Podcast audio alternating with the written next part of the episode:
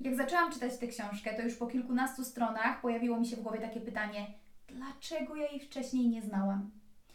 I odpowiedź mm, pojawiła się dość szybko. Sprawdziłam datę wydania 2020 rok. Wszystko jasne, nie miałam prawa po prostu na nią wcześniej trafić.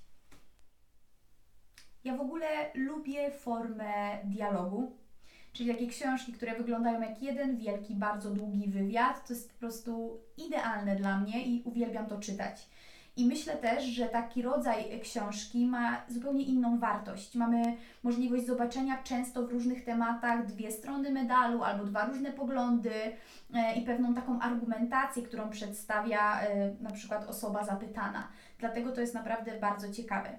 Jeśli chodzi o tę książkę, to ja myślę, że ją powinna przeczytać każda kobieta bez względu na wiek. Powinni ją też przeczytać mężczyźni, jak najbardziej tutaj e, uważam, że, że to też będzie dla nich wartościowe. Natomiast kobiety szczególnie dlatego, że e, w naszej kulturze, w naszym społeczeństwie, w polskich domach nie rozmawia się na większość z tych tematów. Nie mówi się o seksualności, nie mówi się o zdrowiu kobiecym, nie mówi się o intymności, nie mówi się o dbaniu o swoje ciało.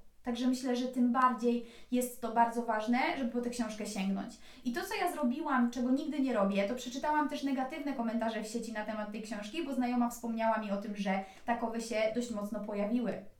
I powiem Wam szczerze, że te komentarze potwierdziły tylko to, co ja wiem już od dawna i to, co ta książka też jakby, o czym ta książka w pewien sposób mówi, to, że mamy bardzo poważny kryzys kobiecości te komentarze wstrzeliły się totalnie w ten problem i ja myślę, że naszym zadaniem jest to, żeby po prostu o tej książce mówić, o tych tematach mówić i w pewien sposób uświadamiać nasze otoczenie. Także gorąco Was namawiam do przeczytania, polecam serdecznie. Jak już przeczytacie, to dajcie znać, jak Wam się podobało.